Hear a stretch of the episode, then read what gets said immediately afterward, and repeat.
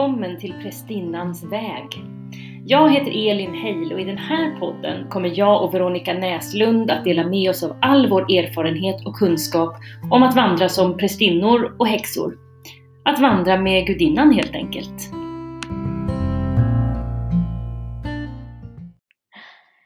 Hej igen och välkomna allihopa till ett nytt avsnitt av Prästinnans väg. Och idag är Veronica och jag jätteglada över att ha en gäst och det är vår första gäst på eh, i Prästinnans väg och det är Katarina Falkenberg som är prästinna vid Sofiatemplet och Alkemiska akademin. Välkommen Katarina! Tack så mycket, trevligt att vara med. Ja, jättekul och vi har ju träffats för, ja det var ju över, tror jag var 8-10 år sedan någonting när du bland annat var och höll en liten workshop när jag hade min lilla gudinnetempellokal. Så det var mm. jättefint.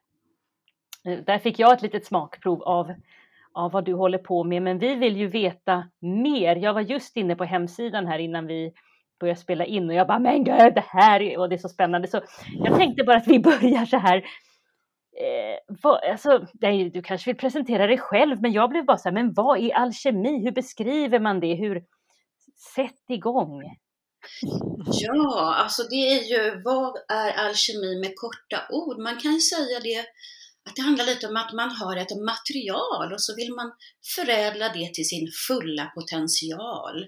Mm. Så det är liksom grundtanken oavsett om man jobbar med örter eller mineraler eller med människan själv som vi gör, framförallt på Sofia-templet.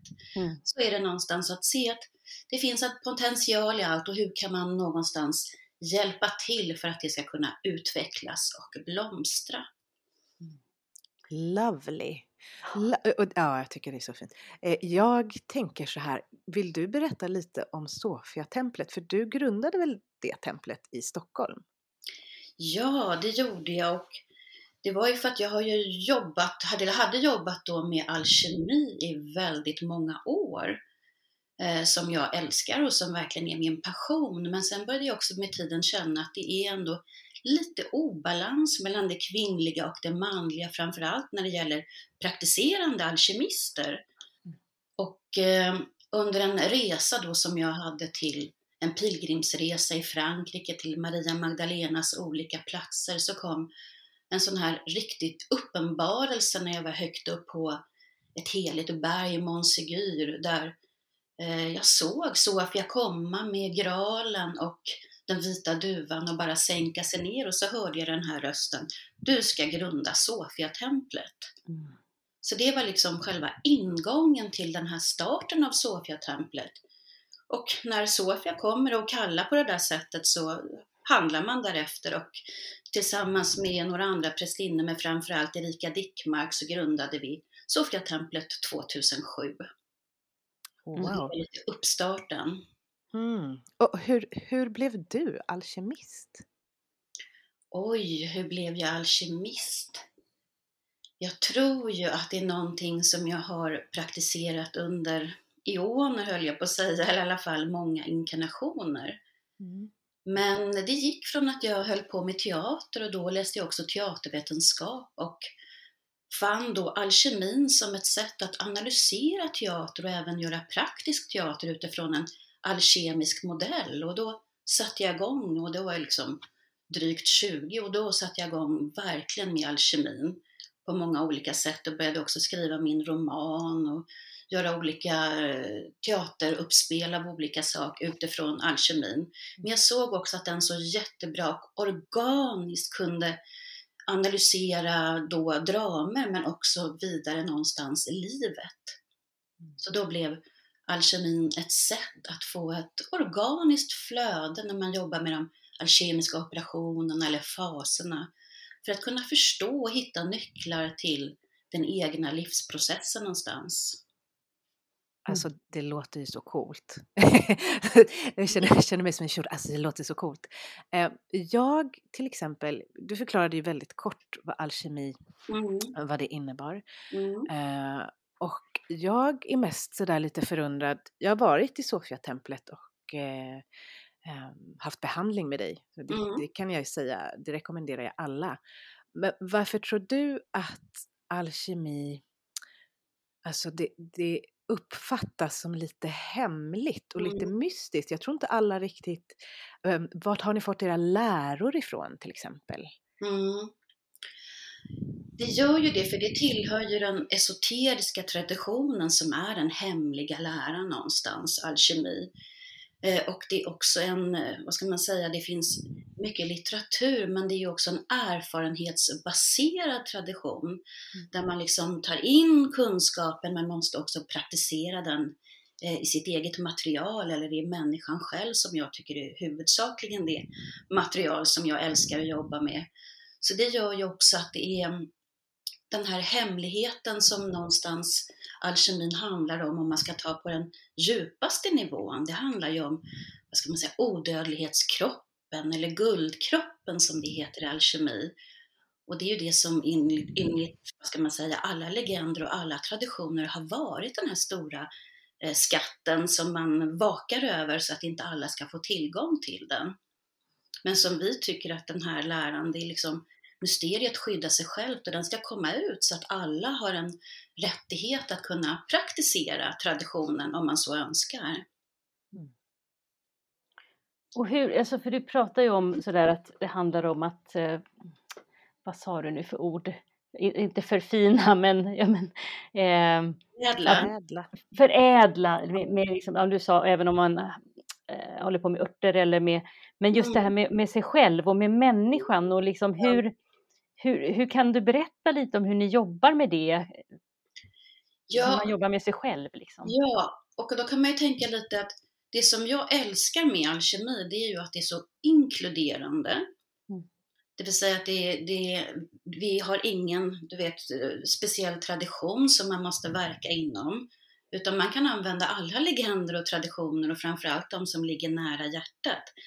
Så det är ju det som är väldigt underbart med alkemin och det är ju så på Sofia-templet också. Vi har ju inte en tradition som vi liksom jobbar utifrån och verkar med, utan det kan vara de som ligger nära hjärtat och för oss då mycket Isis och Maria Magdalena som har en alkemisk grund i sin tradition. Mm. Men eh, så det, det, det är det att, det här att man inkluderar alla olika aspekter för att kunna få den här mångfacetterade läran. Men det andra är också att man inte förskjuter mörkret. Mm. Det vill säga att den mörka delen av oss själva, eller den mörka energin, eller det onda i oss själva, det kan vi också ta upp som ett material att jobba med. Så man förskjuter ingenting, för man Mm. förskjuter eller projicerar ut sin mörka del eller sina skuggsidor, då förlorar man också energi. Utan i alkemin så ser man att man kan använda det, men det handlar om att medvetandegöra och, och eh, förädla den aspekten av sig själv också. Mm. Så det är väl det som är grundläggande i både på Sofiatemplet och Alkemiska akademin i det vi gör. Det här med att inget ska bort, inget ska förskjutas. Mm. Utan man kan jobba med allt. Det, åh, det, det tycker jag låter... Ja, men det, det gör vi också i, vår, i våra prästinetraditioner. Att vi Ja, omfamnar skuggs... Alltså the shadow work. ja, eh, att omfamna och transformera. Och det, det, det jag tycker är så spännande, det är liksom att se likheter mm, snarare än olikheter. Mm. Ehm, och, jag, och jag tänker, vad är typiskt för en, en prästinna inom Sofia-templet? Vad, eh, vad bidrar, eller bidrar hon med? Vad, vad är hennes mission? mm. Eller Eh, hans, hens, Ja, precis. Ja, det är ju knepigt det här med, med kön nu också. Men nu har vi de som erkänner sig någonstans som kvinnor som vi har som deltagare, även om man tycker att hela den här idén om kvinnor och män nu håller på med rätt att lösas upp. Men just vad har en eh, Sofia-Pristina som mission? Det är någonstans, eftersom det handlar väldigt mycket om för oss att eh, realisera sitt eget hjärta, sitt eget hjärtas längtan, Mm. sitt eget hjärtas röst. Så då blir det ju väldigt mycket så att vi vill inte liksom få ut sådana som är kopior av det som vi har i våra hjärtan och våran längtan, utan det blir väldigt individuellt eh, när man eh, stiger ut från eh, Sofiatemplets prästinneinvigning.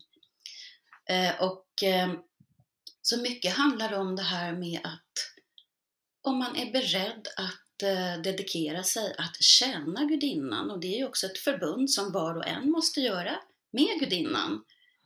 Så att det är svårt att säga precis, men det som handlar om framförallt är att man klär av de här lagren eller det som hindrar en att vara i hjärtas röst eller vara i sin egen längtan eller liksom utveckla verkligen den potential man har. Men sen vad det leder till, det kan ju, en del kan ju leda till, det är ju många som håller på med någon form av alternativa terapier och då går man in i det.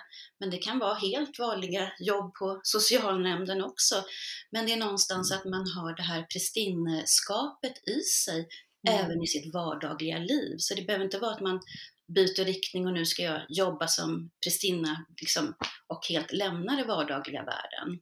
Mm. mm. Ja, det har ju vi pratat om mycket, eller hur Veronica? Och vi har tagit upp det i poddar också sådär. Mm. hur, hur, ja, men hur det tog ganska lång tid för mig att förstå. Alltså, för först, först när jag blev prästinna så trodde jag liksom att jaha, men jag är inte prästinna om jag eller det var inte nog, jag trodde nog inte det, men jag skulle kunna tänka mig att ah, jag vill jobba som prästinna, jag måste ha utbildningar och jag måste ha cirklar och jag ja. måste ha allting. Och sen tyckte jag det var så svårt, så här, hur kan jag leva i liksom, den normala världen och den prästinnevärld samtidigt, eller hur ska jag liksom mm. leva parallellt, tills jag förstod att så här, ja men jag är ju prästinnan, jag tar med mig mig själv var jag än är. Och när jag, när jag förstod det så då, då följer allting på plats och jag är liksom, att jag landade i mig själv som den jag var och liksom behöver inte, behöver inte gömma någon del av mig någonstans där jag är. Nej, och det där är ju jätteviktigt så man inte blir tudelad heller. Mm. mm. Någonting, är man ute i skogen eller liksom som ofta man tänker också med prästinnorna, de är där och så gör de det och sen så ska man liksom spela den andra rollen på, mm. på det vanliga jobbet som man kanske har, utan tvärtom. Mm. Då blir det ju att då för man ju in och då genomsyrar man ju den eh, omgivning och de relationer man har omkring sig med det här eh, gudinliga kallet som man då har. Mm, just det, för att jag är ju fortfarande i practice, i training mm. eh, och eh, funderar lite över det. Mm. Eh, just i att eh, nu har jag gått ett år och då ska jag dedikera mig till syster av Caridwen.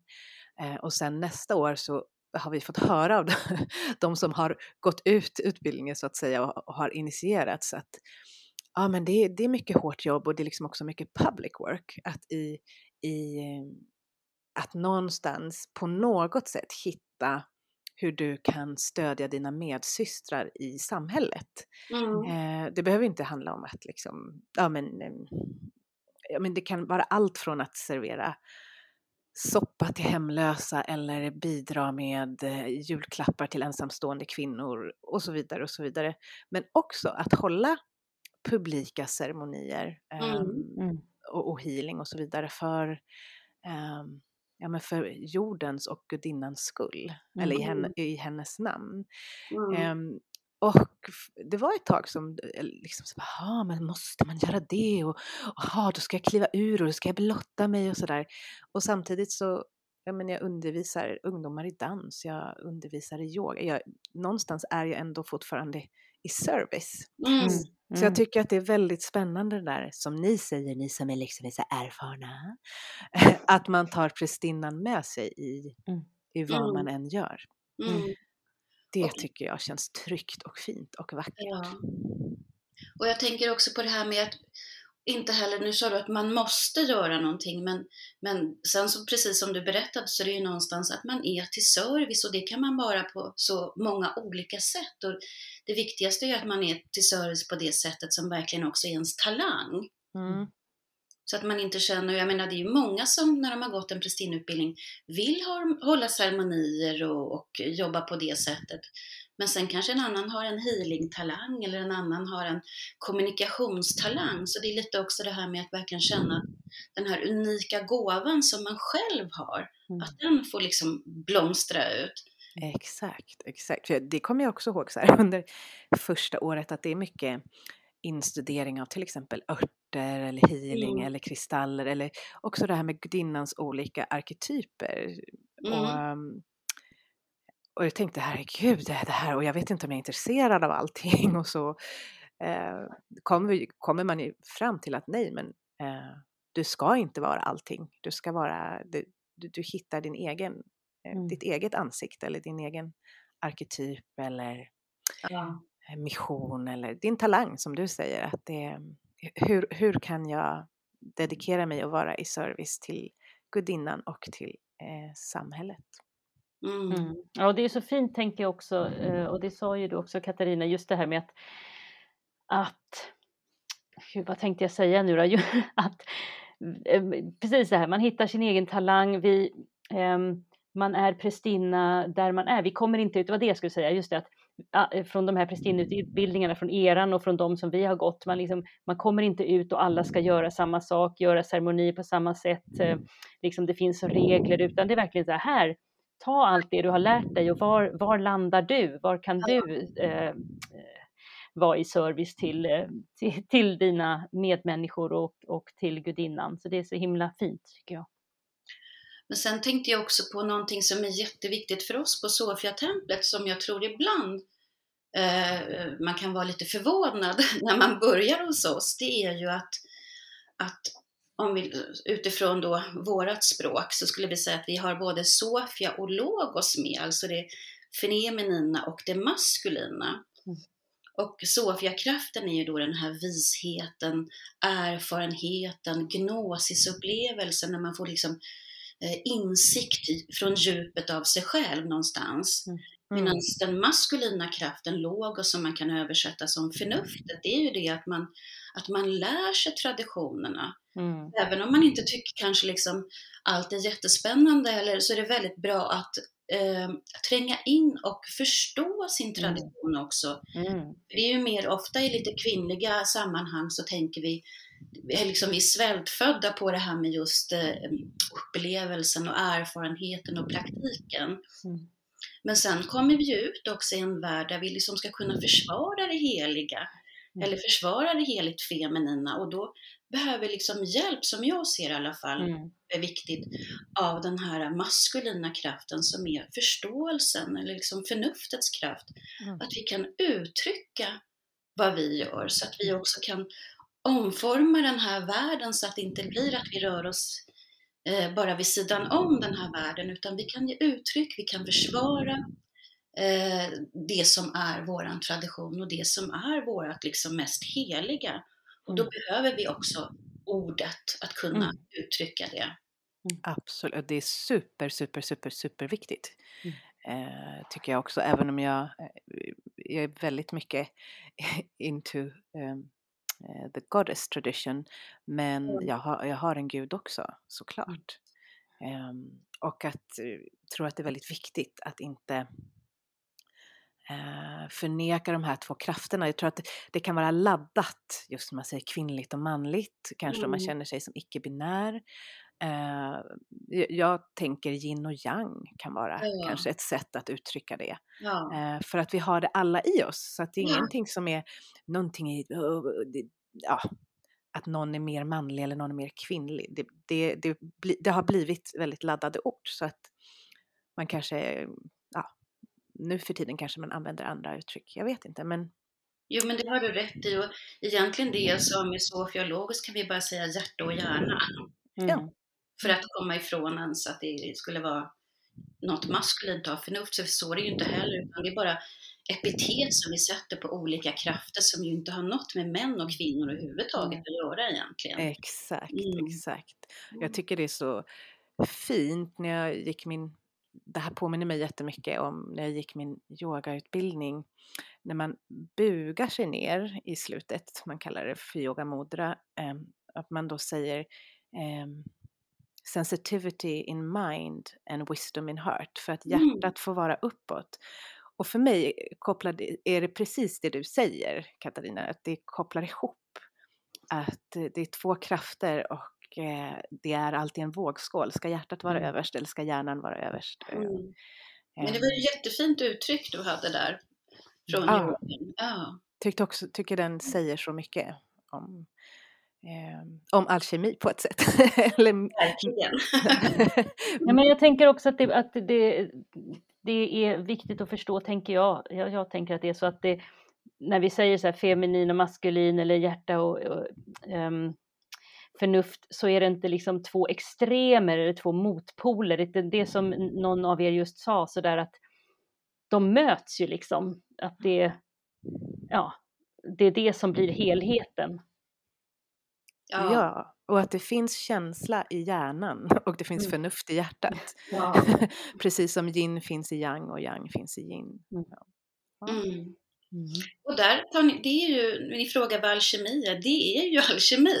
Mm. Så det här var en fin beskrivning av det. Och när vi låter vilka motsatser vi än har och jobbar med, yin och yang, ljus och mörker, hjärta och hjärna, när vi låter dem få liksom närma sig varandra, leka med varandra eller dansa som vi ser som den ska man säga, kosmiska dansen, då kan det ju uppstå det här bröllopet mellan polerna och det kan ju ske på så många olika sätt. Det behöver inte vara det liksom ultimata alkemiska bröllopet som hela Opus Magnum går ut på, utan varje gång vi kan få två motsatser att någonstans möta varandra och börja leka, dansa med varandra, mm. så är det som ett litet alkemiskt bröllop. Gud vad ja. fint, alltså det känns som bara så här, jag vill bara slappna av in i det. det, det, åh, det här, åh, bara låta det dansa med varandra. Det är verkligen det är så inbjudande. Det tar bort allt det här, så här eh, rigida, det som man kan tro så här, nu är det maskulint, här är feminint, här, nu ska vi göra.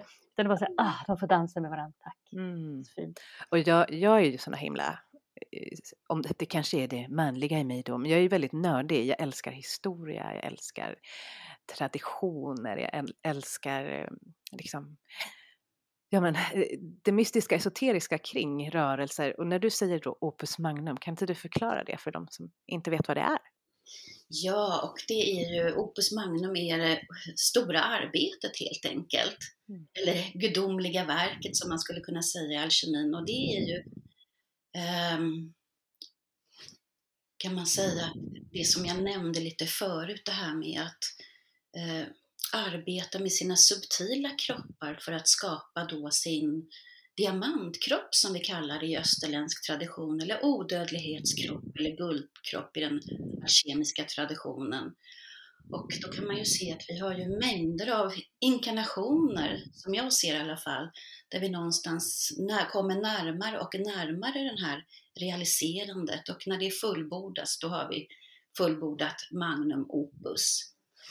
Men det är på den stora nivån. Sen kan vi säga att så fort vi gör ett konstnärligt projekt eller om du har dans, gör en dansföreställning så är det också ett magnum opus. Så det är ju det med alkemin, vi kan ha det på de mest stora nivåerna men vi kan också ha det på eh, de projekt som vi gör i livet. Så det, är, det är en kort förklaring av magnum opus, men stora arbetet, det som mm. vi har kommit, vår mission som vi har kommit till jorden för att göra. Mm. Ja. Ja men det är superfint. superfint. Nu, nu vet vi alla det, alla vi som är nördar. Ja. Jag tänkte fråga, både jag och Elin kommer ju från mm, en avalonsk tradition. Eh, där firar man ett årsjul. Har ni också... Precis det jag tänkte fråga. Oh, vad bra! ja, har ni också ett årsjul som ni firar? Vi har ett årsjul. Vi har det, med det på också en av våra moduler. Eh, så att det har vi och i den alkemiska traditionen då är det ju framförallt liksom att vi har nästan som ett årskors med, med sommar, vinter, höst och vårdagjämning som nästan alla alkemister praktiserar. Mm. Men vi har årshjulet också, men vi har det inte så, um, vad ska man säga, att vi har specifika gudinnor som, som eh, hör hemma i varje del av och vi har inte heller det här med att man alltid firar alla högtider. Men däremot är det ju jättemånga prästinnor som kommer till oss som är naturprästinnor eller har gått andra prästinnevägar innan, mm. som ju har med det här med årshjulet. Så det är en del, men vi lägger inte liksom, man kan säga att det är inte det som allting kretsar kring. Utan utifrån alkemin så jobbar vi väldigt mycket med att det är som en spiral, men det är ju egentligen samma sak. Mm. För att även hjulet går ju fram och utvecklar sig och då blir det ju en spiral. Mm, exakt. Nu, nu, jag måste få ställa den här frågan, nu mm. kommer säkert massa så antroposofer slå. Eh, som sagt, jag nördar, nördar in mig lite i olika saker och um, jag läste, läste en del antroposofi ett tag och jag vet ju att inom den rörelsen så firar man ju Sankt Mikaeli. Mikaeli, man firar äpplen, barnen får äpplen, äppelringar. Mm. Eh, de spelar teater om Sankt Göran och draken och det är också en, en, liksom en mytisk berättelse som barnen eller eleverna får diskutera. Vem är draken? Vem är riddaren? Vem är prinsessan? Och, och nu för tiden så pratar man ju faktiskt om Eh, måste riddaren vara man? Och ja, sådana saker. Hur, vem identifierar jag mig med? Vem vill jag vara? Och så vidare. Jag tycker att det är ganska fina frågor. Och så, mm. så såg jag ett inlägg som du skrev att liksom nu firar vi Sankt Mikaeli, tror jag, något liknande. Mm. Och jag blev alldeles så här, ah, wow, har det liksom ihop? Har det ihop? Eh, så jag undrar, undrar lite, lite sådär, eh, har antroposofi någonting med alkemi att göra eller är det en slump? Ja, alltså man kan ju säga att ärkeänglarna och framförallt ärkeängeln Mikael är ju stor i alla esoteriska traditioner. Mm. Och Steiner baserade ju sin antroposofi på den eh, esoteriska traditionen. Så då tror jag absolut att han har den kopplingen. Eh, i antroposofin och sen är det ganska roligt, det betyder ju liksom antropo, det är ju människa och sofi är ju Sofia. Mm. Det är någonstans mötet mellan människa och Sofia som antroposofin just uttrycker. Nu är inte det mitt expertområde alls, men eh, men det man kan säga det är ju att Mikael och draken och framförallt, de har ju inga, precis som du sa, de har ju inga kön, någon utav dem. Men det är ju två krafter som vi jobbar jättemycket med på både Sofiatemplet och på de alkemiska utbildningarna att kunna realisera både sin egen ärkeängel eller sin änglakraft, men också uppväcka drakelden eller den telluriska kraften eller solniger som vi säger i alkemi. Att kunna se att vi har båda de här två krafterna inom oss och båda behöver någonstans medvetandegöras inom oss. Vi kan inte tro att vi är bara ängeln, vi kan inte heller tro att vi är bara demonen eller draken eller urelden. Utan mycket är liksom att lyfta upp och känna hur de här verkar i vårt liv. Mm. Och när vi blir mer och mer vänner, både med man kan säga då Mika eller Mikaela som vi säger faktiskt på Sofia-templet, ofta när vi bjuder in. Mm. och vi har gjort dem alla till Gabriela och Rafaela och sådär, så att, eh, som kom med en grupp som, som, eh, som vi hade för några år sedan. Men när man liksom kan mer och mer plocka upp de här krafterna och erkänna dem inom sig själv, då kan ju även de börja möta varandra och inom alkemin så är målbilden det är ju att när eh, Mikael sticker lansen i drakens hjärta, då är det liksom ett möte hjärta till hjärta. De byter blod, så det är också ett alkemiskt bröllop mellan mm. draken och Mikaela. Ja, men yes. Ja, jag, jag, åh, det här är så bra. Jag blir så, mer och mer nyfiken såklart. Mm. Jag vet inte om det var svar på din fråga, men det var det jag kom ihåg. Jo, ja, och jag är verkligen inte heller en, en, en eh, expert på antroposofi. Det var bara att jag mm. eh, såg likheter. Ja. ja, men verkligen. Det finns det ju. Mm. Men sen är det ju lite, jag menar, när man tänker just på antroposofin eller man tänker på Eh, många olika, ska vi säga, religiösa samfund. Jag såg att det var så roligt att ni kallade det just alkemiskt samfund när vi hade några dialoger innan. Och eh, lite grunden som vi har på Sofiatemplet är ju att det finns liksom egentligen inget, eh, vad ska man säga, ingen dogm. Mm. Det är därför det heller inte är någon religion som vi praktiserar utan just det här esoteriska gnosisupplevelsen. Mm. Man kan säga att det enda som vi egentligen har problem med det är ju när det blir dogmatiskt. Att när det blir att så här måste det vara och så här mm. måste vi tänka och det är de här bara som vi ska rikta in oss på, de här gudinnorna. Det får bara vara från den eller den traditionen. Mm. Utan tvärtom, i alla mm. fall är viktigt för mig det här med att det måste vara de som man kan lära sig en massa olika som man kanske inte attraheras av, men framförallt måste man ju få känna in vilka aspekter är möjliga att väcka inom mig. Mm, just det. Mm. Ja, det är, det är jätteviktigt tycker jag också. Att det inte finns några dogmer utan man känner in själv liksom vad i, grund, i den grunden man har, precis som vi pratade om tidigare. Liksom, jag har min utbildning och du har din och Veronica går en, går en tredje och liksom och sen går vi ut där i världen och vi tar med oss det, men vi känner också in, ja men jag kanske bjuder in Kali och Kali var inte med i min utbildning, men hon liksom talar till mig så att det känns liksom tryggt och nära för mig. Så att eh, ja, det känns jätteviktigt. Ja, nu tror ju jag generellt, och det vet väl ni också, i, liksom i gudinnekulturer är det här ju mera, vad ska man säga, självklarheter. Mm att komma ifrån dogmen. För jag menar, vi har ju liksom rört oss från en dogmatisk patriarkal, olika världsreligioner som styr. Exakt. Mm. Det ligger nog i jättemånga tror jag som jobbar som prästinnor och eh, tjänar gudinnan att ha den här förståelsen. Mm. mm. Jag, håller, jag håller verkligen med. Um, jag tänker verkligen att prästinnesystrar världen över oavsett, we mm. should unite. Um, men, och att det, det kan så lätt bli. Eh, vi som kommer från den avalonska traditionen har ju till exempel The Tour i Glastonbury som en, ja,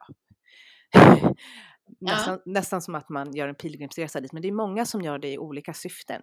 Mm. Ja. Men då kommer jag ihåg att jag såg också något sånt där inlägg att det, det kom ett ett gäng kvinnor från USA och de var daughters, daughters of Isis tror jag och kom dit och, och jättevackra bilder och sådär. Och så är det ändå, och det är så synd, då är det ändå andra kvinnor eller de som kallar sig som kvinnor som säger att de inte har där att göra, the, the tour är inte för dem, bla bla bla, det är bara för, ja.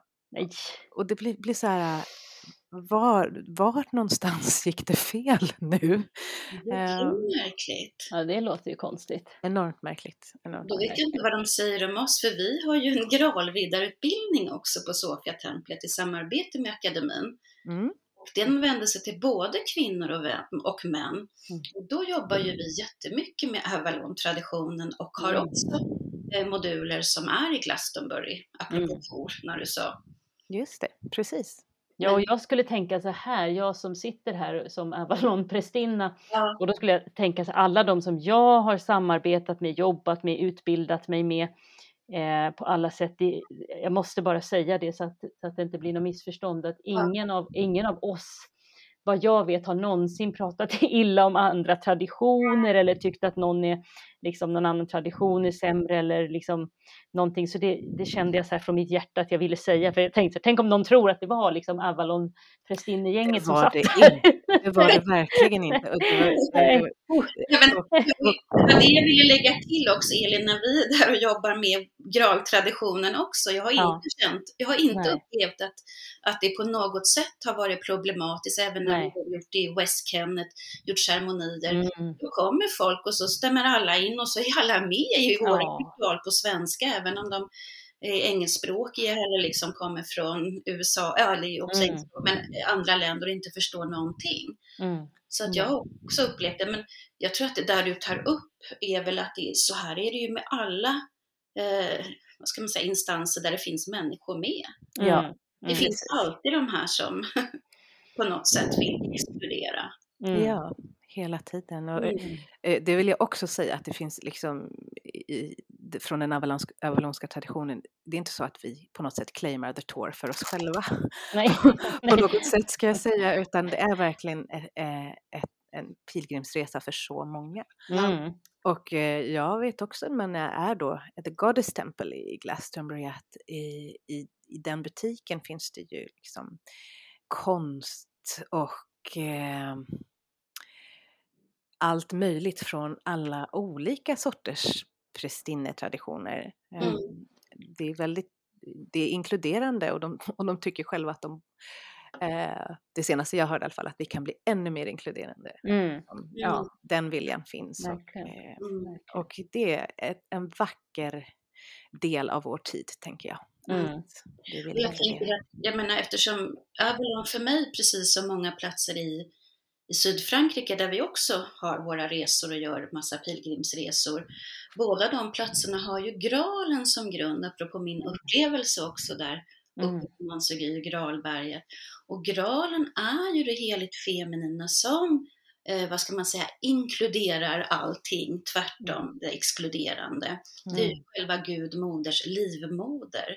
Mm. Så den, mm. den, traditionen finns ju i, i, man ska säga, i jorden, tycker jag, i, i Glastonbury och även då i, eh, på de här sydfranska platserna. Att det, liksom, det blir också så mycket lättare när man kommer till platserna att uppväcka de här för att folk har varit där och helgat den här traditionen under så lång tid. Och att man kan ju nästan, precis som Tor eller vi har andra platser i Frankrike, man kan ju känna att de nästan uttrycker i själva berget eller själva formationen i jorden, uttrycker den här kraften och då blir det ju också så väldigt mycket lättare att väcka upp dem i oss själva. Mm, just det. Invigningen eller initiationen eller transformationen som det huvudsakligen är också. Exakt. Den sker så mycket lättare när man har jorden med sig, mm. kulturen och man har alla de som har helgat mm. på platsen. Och, och, precis, att man har, man har trampat i de fotspåren för de som har gått före så att jag kan mm. göra det här. Mm. Um, och jag tänker att det är också den här, eller alkemin eller yin och yang, att jag hedrar de som har gått före. Men jag kan också gå till en bokskog och känna gralen. Mm. Känna gralens kraft och eh, eh, välsigna den jorden på något vis. Ja. Mm. Och det tycker jag, det, det, är ju viktigt det du tar upp. Det är någonstans att förstå att hela hela vår skapelse eller hela vår jord är ju, vad ska man säga, i alla fall för mig, anima mundi då eller Sofia eller urmoder Gaia. Mm. Så att hela, hela vår natur och egentligen allt har ju den här heligheten i sig. Exakt. Och naturen tror jag för i alla fall för oss svenskar är väl ändå den platsen som de flesta går ut i just för att känna, komma i mm. kontakt med sin, sin känsla, sin intuition och känsla av helighet. Mm. Ja, gud vad fint. Alltså, jag tänker att, alltså, det, jag tycker vi skulle kunna sitta och prata i timtal, det säger jag alltid till alla jag pratar med, men jag tänker ändå att vi börjar närma oss slutet av vår inspelning här. Vi kanske får bjuda in dig en annan gång och prata mer, för det är jättespännande. Men jag brukar alltid avsluta med att eh, du får berätta, Katarina, var kan man, var kan man hitta dig och Alkemiska akademin om man eh, har blivit jättesugen på det här nu under det här samtalet? Ja, och då finns ju vi. Vi har hemsidor och då är det www.sofiatemplet.se. Mm. Observera att Sofia stavas med PH, mm. så att man hamnar rätt. Och sen finns det också samma sak, hemsida alkemiskaakademin.se. Sen mm. finns vi också på Facebook och Instagram och har sidor där. Och då får man ju lite mera det dagliga som händer, lite mera uppdateringar. Så där kan man gå in och kika, mm. känna in. Ja, och det rekommenderar jag att alla gör. Jag var just inne där också innan, innan, vi, innan vi skulle prata idag. Mm. Jättespännande. Så att, eh, Ja, jag måste ju också få tillägga att ni har väl en podcast också? Ja, det har vi. Vi har ah. Kemipodden med Heyman, jag och Tommy Westlund då, som driver Alkemiska akademin, som även är lärare på en del moduler, bland annat örtalkemi på, Sof eh, på Sofiatemplets prästinneutbildning. Så den kan man höra, det kommer nog en alldeles snart. Vi var lite sjuka här i höstas så den har låtit dröja på sig, men det kommer. Så Alkemipodden kan man gå in mm. också och lyssna. Jag rekommenderar den varmt. Väldigt varmt. Vi har talat om. Mm. Jättespännande och mm. tack så jättemycket Katarina för att du tog dig tid och ville vara med här idag och eh, Veronica, tack som alltid. tack själv. Så hörni, vi, eh, ja, jag avslutar här och eh, tackar alla som lyssnar och vi hörs snart igen. Tack till er alla. Tack och kram.